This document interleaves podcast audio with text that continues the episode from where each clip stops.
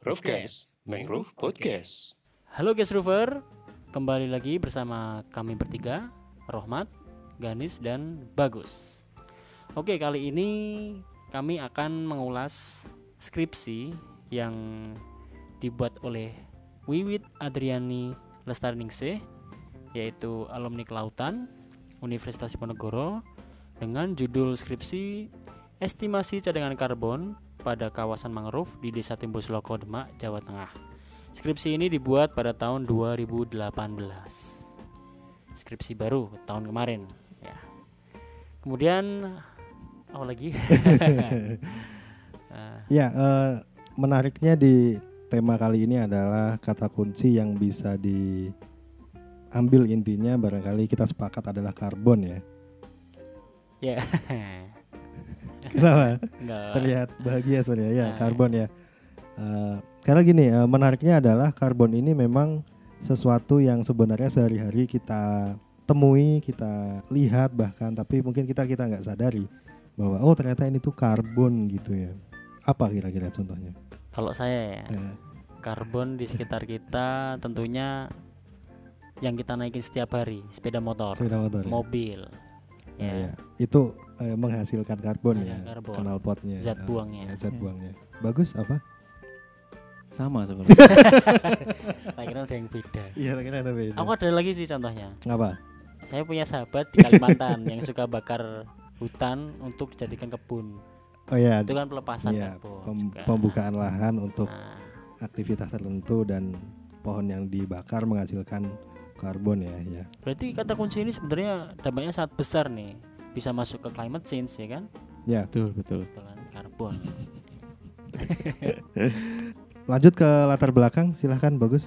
jadi latar belakang di skripsi yang ditulis oleh Wiwit ini yaitu eh, pemanasan global intinya pemanasan global yang mengakibatkan kenaikan permukaan air laut dan salah satu penyebab pemanasan global adalah meningkatnya emisi gas rumah kaca seperti CO2 yang dihasilkan oleh industri transportasi dan lain sebagainya. Terus dituliskan juga bahwa e, mangrove tuh dapat menyimpan karbon lebih besar dari tumbuhan ekosistem pada umumnya, bahkan mampu menyimpan karbon 10 kali lebih banyak dari ekosistem lainnya. Untuk tujuan penelitiannya adalah mengestimasi cadangan karbon pada tegakan dan substrat di kawasan mangrove Desa Timbul Sloko, Demak, Jawa Tengah. Seperti itu. Oke, sip. Eh, lanjut materi metode, silahkan Rohmat. Oke. Materi yang digunakan adalah flora mangrove itu sendiri, kemudian uh, ada substrat mangrove yang nantinya akan uh, dianalisa estimasi karbonnya menggunakan rumus alometrik yang sudah dipakemkan oleh beberapa peneliti yaitu antara lain Fromart et al, Darmawan Siregar, dan Komiyama et al. Nah, untuk teknis pengambilan sampelnya itu sendiri untuk mangrove eh, Wiwit eh, mengambil data diameter batang pohon setinggi dada untuk diolah ke dalam rumus biomasa yang nantinya akan ditransfer atau konversi ke eh, hasil estimasi karbon satu pohon yang diasumsikan oleh Rahayu 2006 eh, bahwa karbon adalah 46% dari biomasa seperti itu Ya hampir setengahnya ya berarti. hampir ya. setengahnya. Nah, setelah itu eh, untuk eh, substrat mangrove itu sendiri cara pengambilan sampelnya adalah menggunakan alat yang namanya sediment core. Nah, di sini kebetulan sediment core milik Wiwit dimodifikasi menggunakan material PVC atau pralon, pipa berbahan plastik. Nah, tapi eh, jangan disalahartikan bahwasanya semua harus pakai itu. Lihat tergantung kondisinya. Ya, berarti bisa pakai media lain, bahan yang Uh, bahan yang lain maksudnya Bahan karena kondisi substrat mangrove berbeda-beda kan ada yang lumpurnya kental dalam dan sebagainya ada yang padat ada yang pasir Hmm. berlumpur nah itu tergantung uh, alat yang digunakan Kalau Rohmat sendiri pernah mengambil data karbon kan? ya kebetulan saya dulu skripsinya di Kepulauan Riau pengambilan salah satunya pengambilan sedimen di mangrove dengan menggunakan alat itu sedimen core. Hmm, dan oke. kebetulan materialnya masih PVC karena memang kondisinya di sana alhamdulillah nggak terlalu susah untuk ah, apa pengambilan sedimennya. Nggak- Tapi yang paling reliable dan data yang didapatkan bisa cukup signifikan akurasinya berpengaruh nggak sih PVC atau bahan metal enggak ya atau sama aja Eh, sebenarnya Enggak sih, tergantung kedalaman dan volume, Hmm. volume sedimen core-nya itu sendiri. Terus kalau untuk volume sendiri apakah ada standarnya?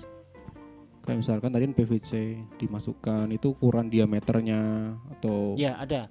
Eh, berdasarkan eh, buku petunjuk RSNI 2011 tentang cadangan karbon milik BPS. Hmm. Jadi di situ diameter minimal itu 5 cm penalurnya. Kemudian tebal itu minimal 10 cm. Karena keperluan lab itu sangat banyak. Nggak nggak hanya untuk pengabuan atau pembakaran sedimen tapi juga nanti bisa dianalisa yang lain seperti variabel NPK dan sebagainya. tebal itu kan berarti kan Kedalaman. kedalamannya Ya. Kedalaman yang diambil tuh 10 10 cm minimal ce- 10 cm. Ya, ya tadi untuk materi metode mengenai pengambilan data estimasi karbon ya. Kemudian selanjutnya adalah untuk yang eh, kerapatan mangrove-nya sendiri yang Wiwit ini menggunakan metode yang namanya hemispherical photography. Detailnya gimana bagus? Yang sudah Ya, sering ngambil dengan metode ini. Kalau untuk hemispherical photography sendiri itu sebenarnya untuk tutupan tajuk ya. Tutupan tajuk eh, daerah atasnya dari dari daun-daunnya seperti itu. Metodenya untuk metodenya bisa menggunakan eh, kamera, kamera yang di handphone itu terus kita ambil foto bagian atasnya. Eh, bisa misalkan satu plot itu dibuat tik- empat pojok-pojok. Jadi satu plot ada empat. Kalau misalkan pengulangan tiga kali bisa berarti 12 foto jadi di foto habis itu nanti diproses di eh, software nanti didapatkan nilai eh, tutupannya persentase tutupan dari mangrove area di situ nanti dikalikan berapa hektar seperti itu Oke. Kalau kalau nggak salah itu analisa fotonya menggunakan threshold ya, jumlah thresholdnya hitam putih. iya iya Ya, seperti itu jumlah, benar. jumlah benar. pixel hitam dan putihnya menggunakan. Eh, tadi yang dibilang bagus kameranya adalah kamera handphone. Iya.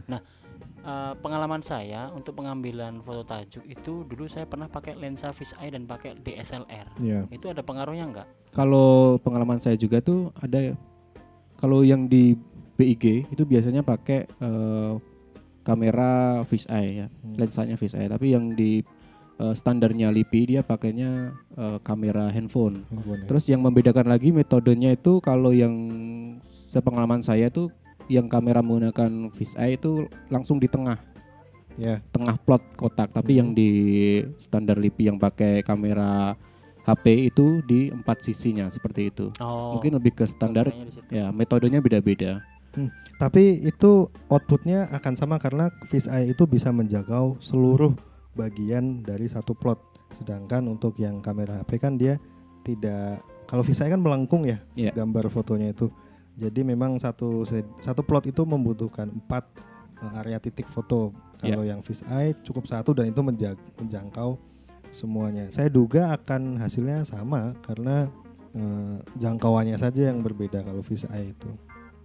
Saya akan lanjutkan ke hasilnya ya. Kita akan masuk ke mangrove-nya dulu saja. Kawasan mangrove-nya. Mangrove yang ditemukan di lokasi riset ini ada tiga, yaitu Rhizopora mucronata, kemudian Avicennia marina, dan Avicennia alba. Wiwit mengambil tiga lokasi penelitian ya, tiga titik. Yang pertama dengan kerapatan 73,57 persen, kemudian yang kedua 75,04 persen, dan yang ketiga yang tertinggi yaitu 76,56 persen. Itu adalah persentase tutupan kanopi di Desa Timbul Sloko, Demak, Jawa Tengah. Nah, dari eh, tutupan kanopi ini, kemudian data yang kemudian diambil dan hasilnya yang bisa ditampilkan di sini adalah yang pertama estimasi untuk cadangan karbonnya pada substratnya ya. Yang tertinggi ditemukan mencapai 23,009 ton per hektar dan terendah 8,507 per ton per hektar. 8,507 ton per hektar. Kemudian data selanjutnya kaitannya dengan biomasa yang tertinggi ditemukan mencapai 504,48 ton peng- ton per hektar yang terendah 215,47 ton per hektar. Nah, yang menarik di sini adalah estimasi cadangan karbonnya yang tertinggi 237,11 ton per hektar dan yang terendah 101,27 ton per hektar. Kesurfer sulit membayangkan ketika disampaikan eh, data-data ini. Barangkali bisa disederhanakan. Tapi mungkin kayak seperti kerapatan tadi kan angka-angka kan itu mungkin langsung bisa dinyatakan daerahnya sangat rapat atau Ya, dari tiga stasiun yang diambil, eh, stasiun tiga itu memiliki tutupan kanopi tertinggi ya 76,56 persen, sedangkan yang terendah ada di stasiun satu Iya. 73,57 persen. rapat semua ya berarti ya? Ya, Kondisi Itu termasuk 70. kategori rapat karena di atas 70 persen ya. Mungkin bisa lebih disederhanakan lagi hasilnya eh, terkait dengan judulnya tadi estimasi cadangan karbon otomatis kita ambil poinnya aja di sini estimasi cadangan karbon tegakan. Jadi hasil akhirnya tuh karbon tegakan. Untuk skripsi bibit memang eh, dilihat dari lokasinya sendiri. Coba kalau kita lihat peta di situ ada tiga lokasi yang signifikan eh, penempatannya. Ada yang di ada yang berada di dekat dengan laut, kemudian di muara dan yang terakhir ada di dekat pemukiman. mungkin di situ bisa kan- mewakili daerah-daerah Ah, di tertentu kan seperti itu ya. eh, mungkin ada pengaruhnya juga terhadap cadangan karbon di tiap titik. Mungkin eh, Bisa dari- dibandingkan antara yang daerah pesisir dekat Mm-mm, laut ataupun yang ya. jauh dengan laut Betul. seperti itu. dan pun ada juga yang eh, dipengaruhi oleh kerapatannya itu sendiri. Makanya tadi Wiwit mengambil data Kerapatan. kerapatan mangrove seperti itu. Di hasil selanjutnya dalam bentuk grafik, ini saya akan gambarkan sedikit eh, dengan kerapatan mangrove yang tinggi, cadangan karbon di substratnya justru lebih rendah dibandingkan dengan mangrove dengan kerapatan yang rendah ya. Jadi dibayangkan kerapatan mangrove yang tinggi justru kalau di substrat itu cadangan karbonnya rendah. Kira-kira kenapa? Apa yang mempengaruhi? Kaitannya dengan ukuran butir kah? Oh ya sebenarnya tadi udah disebutkan, udah dijelaskan mengenai pengaruh-pengaruh kenapa estimasi karbon di setiap lokasi berbeda-beda. Nah untuk grafik yang disebutkan Ganis tadi, kenapa berbeda? Ini kemungkinan ya prediksi dari saya pribadi. Untuk lokasi yang eh, berada dekat dengan laut atau pasang surut, otomatis yang namanya substrat itu kan dinamis. Ketika kena pasang tinggi, surut Iya. rendah, itu dinamis. Karena substrat itu bisa mengandung karbon pertama dipengaruhi oleh eh, jumlah serasah yang terdekomposisi itu sendiri Hmm. kemudian organisme-organisme yang terdekomposisi juga di situ Hmm. jadi ketika kena pasang surut otomatis Pergi seperti itu. mungkin. nah data Iya. Datang, tingginya pergi, tidak bisa ditebak Iya. itu mungkin pas Wiwit ambil data bisa jadi pas karbonnya rendah. Iya. atau karbonnya pas tinggi nah itu Oh berarti faktor pengambilan data ini Ah. juga mungkin berpengaruh. Tapi kalau secara umum bayangan saya adalah ketik tadi kan disampaikan karbon itu datang dari serasa yang terdekomposisi otomatis yang jatuh dari mangrove-nya kan. Di stasiun 3 ini kan dia masuk yang rendah untuk kar- cadangan karbon substratnya. Kalau kerapatannya tinggi otomatis eh, mangrove-nya lebih dominan kan Iya. lebih banyak. Harusnya substrat yang jatuh kan Habis juga lebih banyak. Nah, Berarti harusnya juga substratnya juga kandungannya karbonnya lebih tinggi. Nah, kebetulan yang Hmm. stasiun, stasiun 3 itu berada di dekat dengan laut lihat di petanya itu oke nih. otomatis pasang surut berperan Oh di situ. iya, ini dekat dengan Nah. ya. Pasang surut. Apalagi kalau misal di Demak itu kalau musim angin timur badannya ya ampun Hmm. minta sekali. Eh, Ya ampun minta sekali. ya, Ya ampun Ya, sekali. badannya ya ampun Minta minta, ampun. minta ampun sekali. Minta ampun sekali. Aku suka membalik-balikan kata. Iya.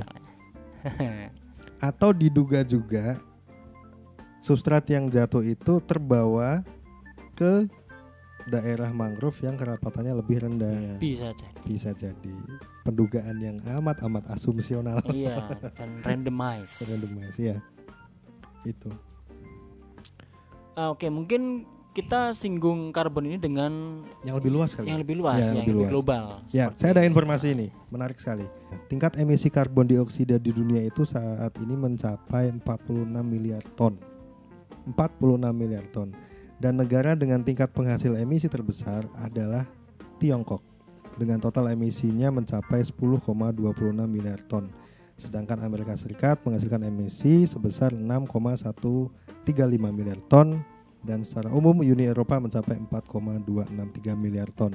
Dan kita bisa simpulkan bahwa negara-negara ini adalah negara-negara industri yang memang menghasilkan banyak sekali karbon-karbon. Nah, pertanyaan selanjutnya adalah karbon yang sudah dikeluarkan ini siapa yang akan menerimanya tanda kutip, siapa yang akan menyimpannya tanda kutip.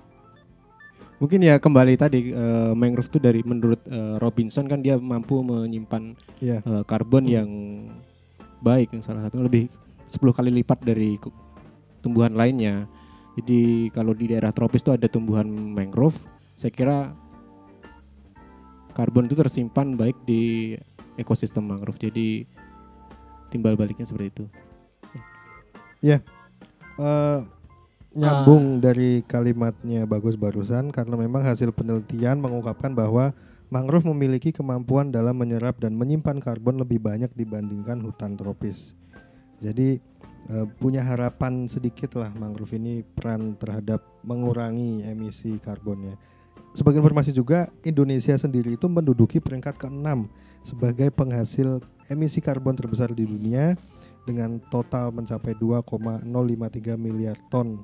Yang membuat miris itu adalah Indonesia peringkat 6 penghasil eh, emisi terbesar, tapi juga Indonesia sebagai negara dengan hu- hutan tropis terbesar juga di dunia kayak gitu. Berarti itu terkait juga dengan eh berarti itu juga berkaitan dengan eh, maraknya perdagangan karbon antara negara maju dan negara berkembang. Mungkin bukan maraknya ya, Apa? karena perdagangan karbon itu kan bukan marak sebenarnya. apa itu? kesepakatan Oh, negara kesepakatan antar negara untuk eh, yang yang hanya melempar karbon ke udara harus memberikan kompensasi kepada negara yang hanya tanda kutip menerima eh, emisi karbon dari negara tersebut kayak gitu. Itu kan basic dari konsep perda- perdagangan karbon kan.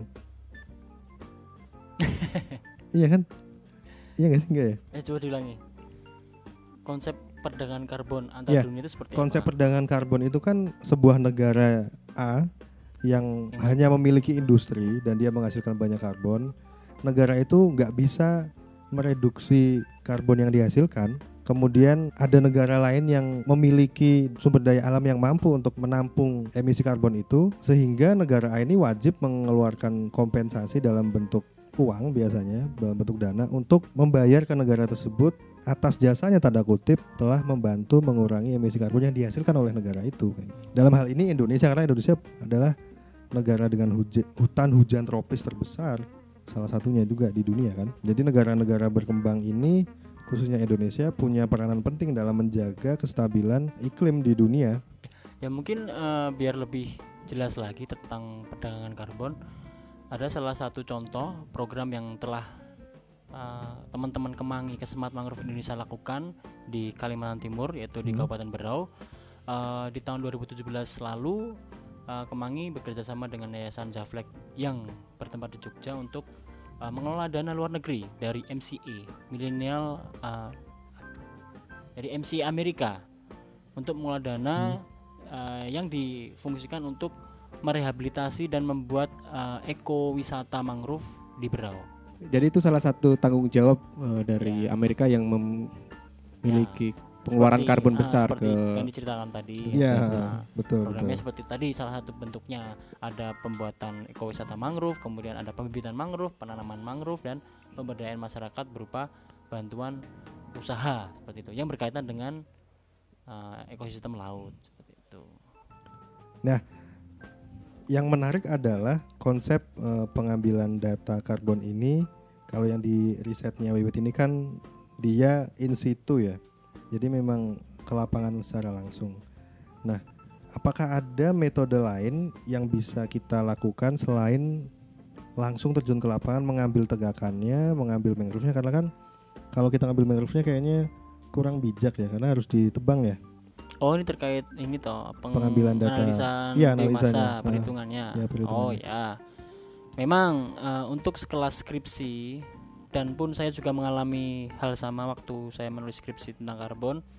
eh, saya disarankan oleh dosen saya, pembimbing saya yaitu Dr. Rudi Pribadi untuk tidak melakukan aktivitas deforestasi karena memang eh, yang tadi saya jelaskan eh, Komiyama et al dan kawan-kawan itu eh, mendapatkan eh, pakem rumus itu dari hasil eh, pengambilan sampel satu pohon besar misal Rhizopora mucronata diambil jenis itu ditebang pohonnya kemudian diambil eh, masa jenisnya berat jenisnya dan sebagainya untuk menghasilkan rumus tadi B sama dengan bla bla bla bla bla Oh, gitu. iya. makanya untuk level skripsi disarankan cukup mengambil rumus alometrik referensi dari yang sudah ada yang sebelumnya itu. sudah Ah, didapatkan itunya kan eh, formula satuannya, ya, formulanya, formal formulanya, metriknya, iya. seperti itu. Kalau untuk metode yang lain bagus barangkali dari sisi pemetaan apakah bisa dengan mengandalkan citra satelit kita bisa mengetahui estimasi stok karbon di suatu lokasi. Pernah saya baca satu tulisan itu eh, jadi menghitung karbon itu dengan metode remote sensing. Ya, dari citra itu nanti diproses dengan algoritma tertentu juga. Setiap misalkan jadi kita harus tahu dulu eh, jenis-jenis mangrove yang ada di daerah situ tuh jenisnya apa. berdasarkan warna Iya, enggak enggak, sorry. apa Kalau kita harus mengidentifikasi dulu juga daerahnya itu jenisnya apa. Kalau di Wiwit itu kan dia harus menghitung eh, tegakan ya, kayak misalkan diameter. Tapi yang di remote sensing itu cukup untuk mengetahui jenisnya mangrove-nya di daerah plot A misalkan plot B itu jenisnya apa nanti langsung di punya rumus algoritma untuk mengestimasi nilai karbon yang ada di situ. Terakhir ya mungkin pertanyaan pentingnya adalah ketika kita sudah tahu nih estimasi karbon di suatu lokasi, suatu wilayah, next apa dengan data ini? ini opini pribadi atau opini Iya, instansi opini opini pribadi aja. kalau opini pribadi kalau bisa besok naiknya sepeda aja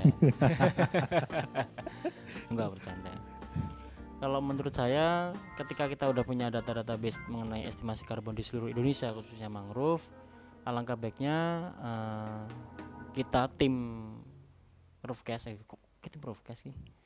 Eh, sebaiknya eh, data-data ini kan udah dipublis nih ya otomatis eh, semoga harapan saya kebijakan-kebijakan dari pemerintah baik itu kabupaten, kota, provinsi atau pusat bisa meng- men- eh, melahirkan solusi terhadap eh, estimasi karbon yang sudah dilepaskan negara Indonesia itu sendiri.